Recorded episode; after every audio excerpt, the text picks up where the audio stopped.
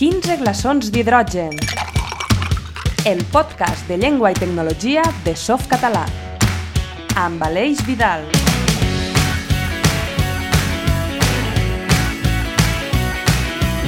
Arrenquem el tercer episodi a la nostra estimada taverna. Ens fa molt feliços tornar-vos a veure altre cop al 15 glaçons d'hidrogen. Ah, que és la primera vegada que ens visiteu. Fantàstic! Com més serem, més riurem. Cal que sapigueu que podeu recuperar els episodis anteriors a la vostra plataforma de podcast preferida, a Pocket Cast, a Spotify, a la Granger, a la Pometa... Ens trobareu a totes, així com al nostre web, clar. Per cert, veureu que cada episodi té un nom propi, com una mena de nom en clau. Avui encetem el liti literal. No, no són encanteris ni coses rares. Té la seva història, com el mateix nom de la taverna. Si us quedeu fins a tancar la paradeta avui, la descobrireu. Però abans repassarem una mica l'actualitat tecnològica, que passa pels cotxes i per la veu. També obrirem el rebost per mostrar-vos una gran eina de retoc fotogràfic i de dibuix, Pararem taula amb una companya de soft català a qui podreu conèixer una mica més i en Josep ens servirà una nova etapa de refranys, tot i la mandra. I a l'hora de triar whisky o ratafia, ficarem el nas en una de les taules de la taverna amb més secrets, la taula número 13.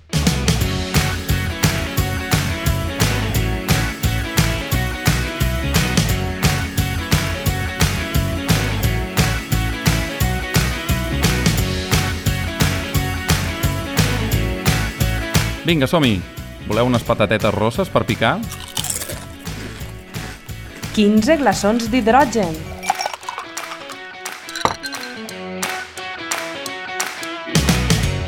L'aperitiu d'actualitat. Comencem amb una efemèride important, i és que el passat 21 de novembre el GNU Image Manipulation Program va fer 25 anys. Parlem del GIMP. Ara sí que sabeu de què us parlem, no? Sí, home, sí. L'alternativa gratuïta al Photoshop. Apa, que quedo bé dient-ho així jo també. No, de debò, heu de saber que el desenvolupament del GIMP ha donat llum als fonaments d'entorns d'escriptori sencers, com GNOME o XFCE. En tot cas, el GIMP té un espai destacat en el nostre rebost digital, i en l'episodi d'avui en Xavi Ibarz ens en farà 5 cèntims. Recentment també ens ha arribat una altra notícia important pel català. En aquest cas s'allunya una mica de l'ordinador, perquè fa referència al món de l'automòbil. Sembla que el fabricant de vehicles elèctrics Tesla incorpora de sèrie el català en el sistema d'informació i entreteniment que duen els seus cotxes. Ens ho explicava el periodista Albert Cuesta al seu blog. La notícia té prou importància, més enllà de la poca quota de mercat que tenen els cotxes Tesla al nostre país, perquè situa el català en un sector on no era present i pot obligar altres fabricants, sobretot els europeus, a moure fitxa. I tornant a prop de casa i a la feina que es fa des del nostre territori, ens trobem amb les jornades de tecnologies lingüístiques lliures en català, que tenen lloc mentre enregistrem aquest podcast. L'esdeveniment, organitzat per la cooperativa Col·lectivat, va arrencar el 24 de novembre amb una sessió sobre el mercat dels dispositius que poden parlar català i les alternatives lliures. Es preveuen sessions per parlar de la síntesi de veu i del reconeixement de la parla, així com del futur dels assistents de veu en el nostre idioma. Totes les sessions són en línia i es tancaran el dia 10 de desembre amb un taller sobre Mycroft, l'assistent de veu lliure. Hem volgut parlar de tot això de les tecnologies de la parla amb en Baibars Colevi, enginyer de dades de Col·lectivat. Hola, Baibars. Hola. Fa uns dies, parlant sobre les jornades, ens comentaves que Caldi, una tecnologia de desenvolupament de reconeixement de la parla, ha integrat recentment el català a la llista de les llengües acceptades. Però què és Caldi? Caldi és el sistema més avançat de reconeixement de la parla que és disponible com un programa lliure. També té els models en obert. I ara mateix català està afegit d'aquesta llista de llengües. I què significa que el català estigui disponible a Caldi? Significa que qualsevol persona desenvolupadora pot integrar català als seus productes o les seves aplicacions web o mòbil. Uh -huh. Entenc que és important tenir els models de català a Caldi, però per què a Caldi? Caldi és el sistema més avançat en codi lliure, com us havia dit. I una de les raons és perquè té una comunitat molt gran, sobretot dels investigadors i, a més, algunes petites empreses que estan treballant en Caldi perquè la necessiten per les seves aplicacions. I quina diferència hi ha entre Caldi i altres tecnologies similars com DeepSpeech de Mozilla?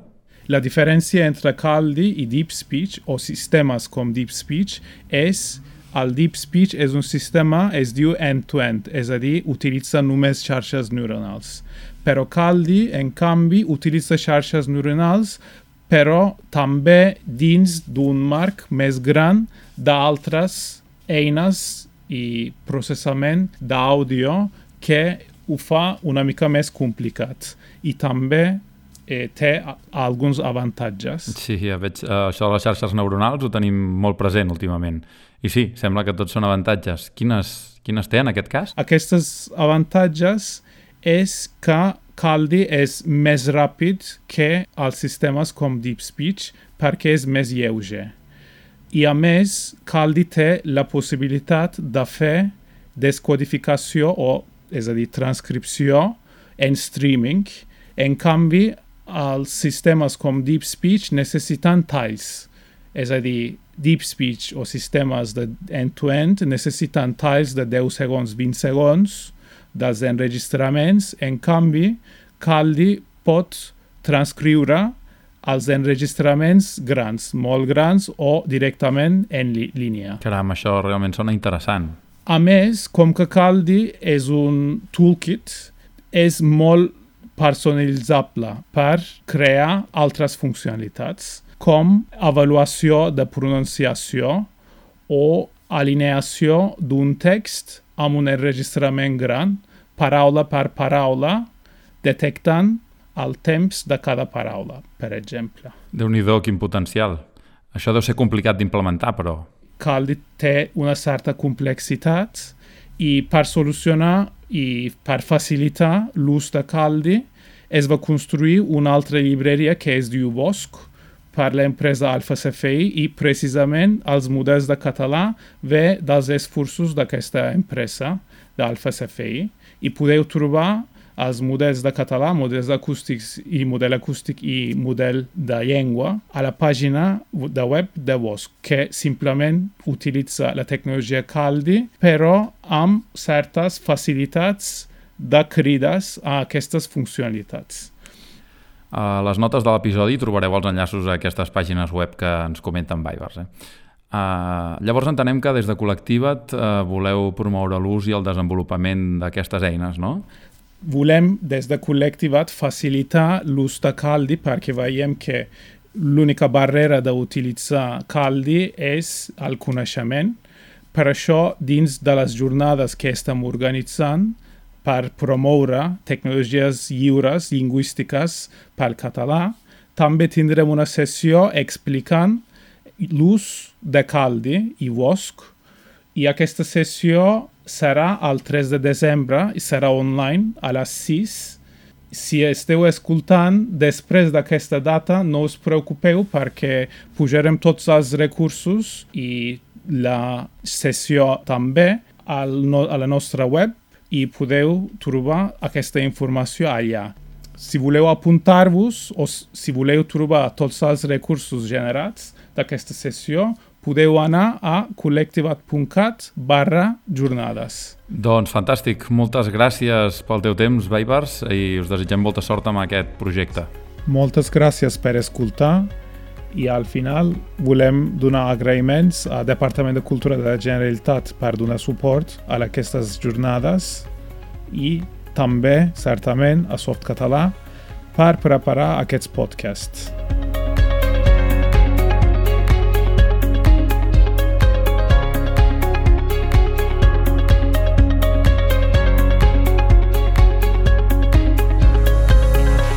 Doncs ja veieu que el tema dona per molt i vista la importància de les tecnologies de la parla, em sembla que ben aviat hi dedicarem una secció periòdica a 15 glaçons d'hidrogen.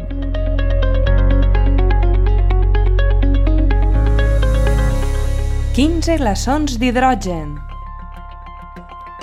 Doncs apropem-nos al rebost, que avui, com us dèiem, toca una ració de GIMP. Obre, Xavi, obre! El rebost digital. El GIMP és un programa lliure extremadament potent i versàtil, adequat per a tasques de retoc fotogràfic o creació i disseny d'imatges. El GIMP es pot utilitzar com un simple programa de dibuix, com a programa de retoc fotogràfic professional, com un sistema de processament massiu en línia, com a dissenyador massiu d'imatges de producció, com un convertidor de formats gràfics... Es tracta d'un programa multiplataforma, és a dir, es troba disponible per Linux, Windows i Mac. A més, acaba de fer 25 anys. Així que, un motiu més per presentar-vos-el.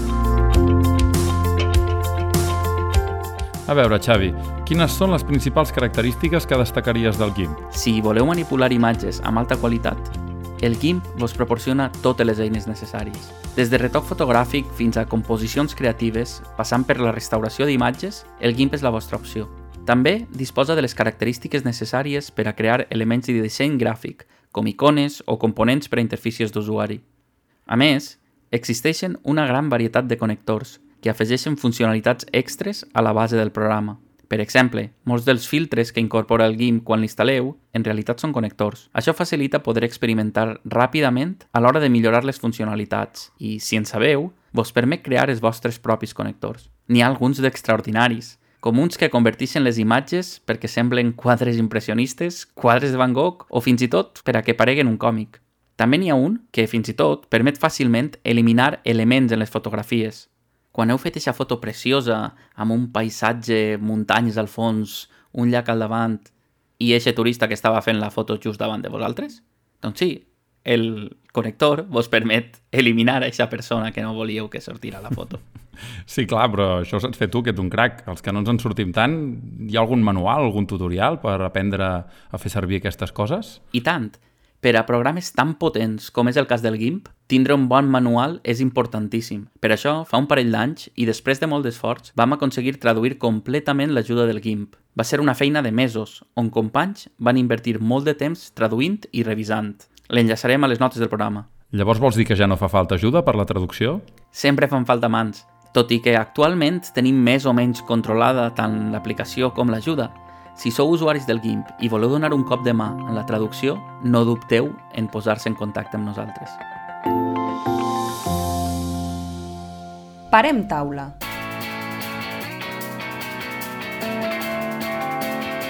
Vinga, som-hi, que això ja fa oloreta. S'acosta l'hora de l'arròs i anem a parar taula.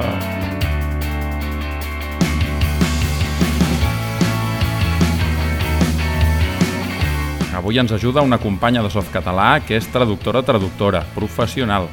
A més, té un punt mediàtic. Ella mateixa ens ho explica. Us deixo amb l'Assumpta Anglada. Hola, em dic Assumpta Anglada i sóc traductora. Ja des de petita doncs, que m'agradava molt llegir i escriure.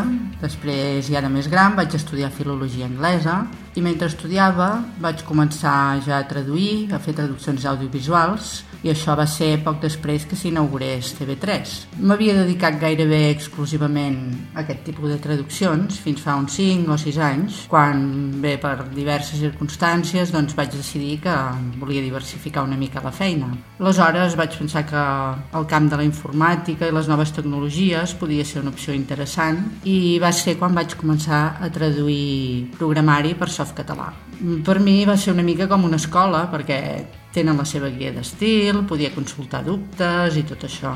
I després doncs, em va anar sortint feina en aquest camp, però vaig seguir col·laborant amb Softcatalà i ara en sóc membre des de l'any 2019.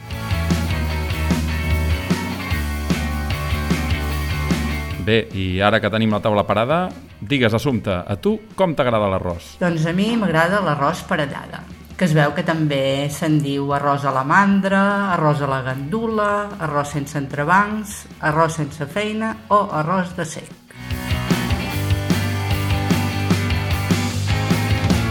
Amb tants noms per l'arròs, ja es veu que n'haurem d'acabar fent un recull, com amb els refranys. Avui en Josep ens en torna a servir una petita ració. Una tapa de refranys, amb Josep Closa. Déu vos guard, oïdors. Avui no aconsegueixo treure'm la son de les orelles, Supós que és pel fred, que es filtra pels finestrons, i que sigui dissabte matí quan enregistro això, també hi ajuda. Com podeu trobar a la paremiologia catalana comparada digital, mandra, son, por i fred, com més n'hi ha, més admet. Ma mare ho tindria resolt aviat, amb un dels seus apremiants «Un, dos, tres, qui té mandra no fa res», al qual jo de vegades goso respondre «Feina, fuig! Mandra no em deixis!» Perquè això que els catalans som molt treballadors, estic convençut que s'ho han inventat els cobradors d'impostos. I si no voleu quedar com a mals ciutadans, digueu que avui teniu un deix de galvana placèbola, per indicar que la paresa us vens. Apa, siau!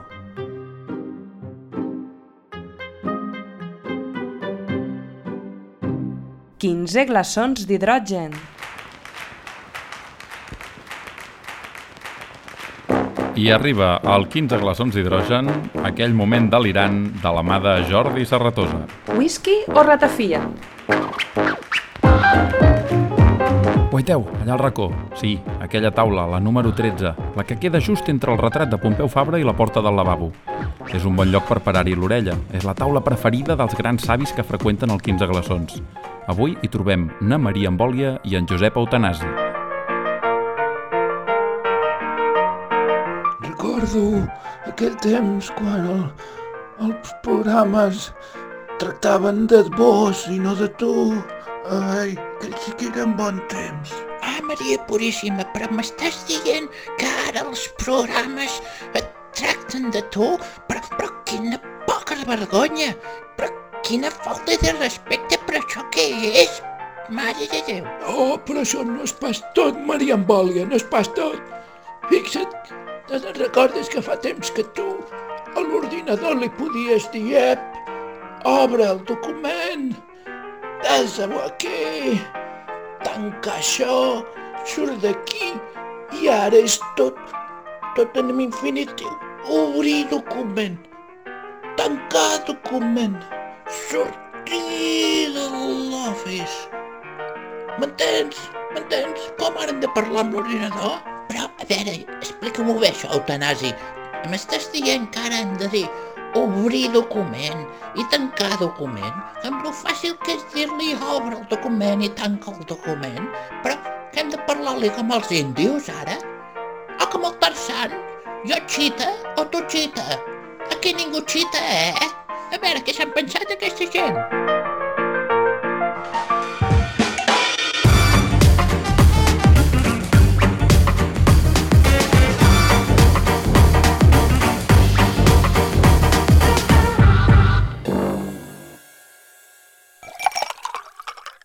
A la barra. Arribats al tercer episodi, potser toca aclarir el tema del nom del programa, no trobeu? Avui a la barra ens trobem amb en Xavi, que s'ha quedat per aquí escoltant tota l'estona, i l'Artur, que sempre que pot es posa darrere la barra a donar un cop de mà. Molts de vosaltres segur que ja heu investigat i la majoria segur que ja ho coneixíeu. La taverna de Softcatalà va adoptar el nom d'un famós pangrama. Artur, m'ajudes a explicar la fricada aquesta? Clar que sí, Aleix, ben fàcil. Els que vos dediqueu a instal·lar i provar sovint tipus de lletra, tipografies o fonts en anglès, esteu acostumats a veure una frase d'exemple que alguns sistemes operatius o gestors de lletres tipogràfiques usen de mostra. Com és lògic, és convenient que la frase de mostra incloga el màxim de caràcters diferents possibles per fer-se una idea ràpida de l'aspecte de la lletra triada. Aquest és el cas d'ús del pangrama més habitual avui en dia, però antigament ja eren útils amb l'arribada de les primeres impremtes. En català, un dels pangrames més populars és Jove xef, porti whisky amb 15 glaçons d'hidrogen, coi! Si ho veieu escrit, comprovareu que conté tots els caràcters de l'abecedari català, amb el permís del punt volat, tot siga dit. Després d'una intensa pluja d'idees i de descartar diversos noms que no podem reproduir en antena, aquest fragment del pangrama del jove xef ens va enamorar. I donava molt de joc, tant que a partir del nom en vam construir una taverna, Començar la casa per la taulada, totalment. Però això no és tot. Els episodis havien de tenir nom, també? Es veu que sí, o això és el que tenia clar en Xavi. Mentre enllestia tot el sistema de publicació d'episodis al web de Softcatalà, ens va llançar una pregunta. Com presentem cada, cada un dels programes? Va ser en aquest moment quan se'm va, se'm va ocórrer utilitzar el mateix que fa Ubuntu, que els noms de les versions són un animal i un adjectiu. I vaig pensar, per què no fem el mateix amb, amb el podcast? A més, el propi nom del programa ja ens donava la idea per al primer episodi, hidrogen. L'hidrogen és el primer element de la taula periòdica. Només necessitàvem un adjectiu que també començara per H. hidrogen, hipercomplex. I a partir d'ahir, anar utilitzant tots els elements de la taula periòdica acompanyat d'un adjectiu que començara per la mateixa lletra. Vaig fer una xicoteta proposta de com podia seguir els dos o tres primers capítols, però en aquest moment Josep Maria, un altre dels companys de Softcatalà, va fer la proposta dels 10 primers i a tots ens va encantar. Quan van començar el podcast realment no sabíem si funcionaria, ni si serien capaços de donar-li continuïtat. Però ara que hi han fet 3 episodis, estic segur que ens acabarem tots els elements de la taula periòdica.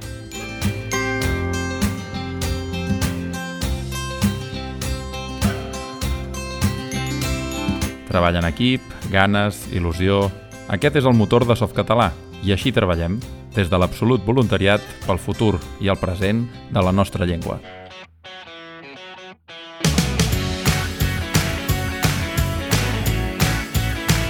Doncs això és tot per avui. I si voleu col·laborar o ens voleu seguir, ja sabeu on trobar-nos. Mentrestant, jove xef, porti whisky amb 15 glaçons d'hidrogen, coi! 15 glaçons d'hidrogen, el podcast de llengua i tecnologia de Softcatalà.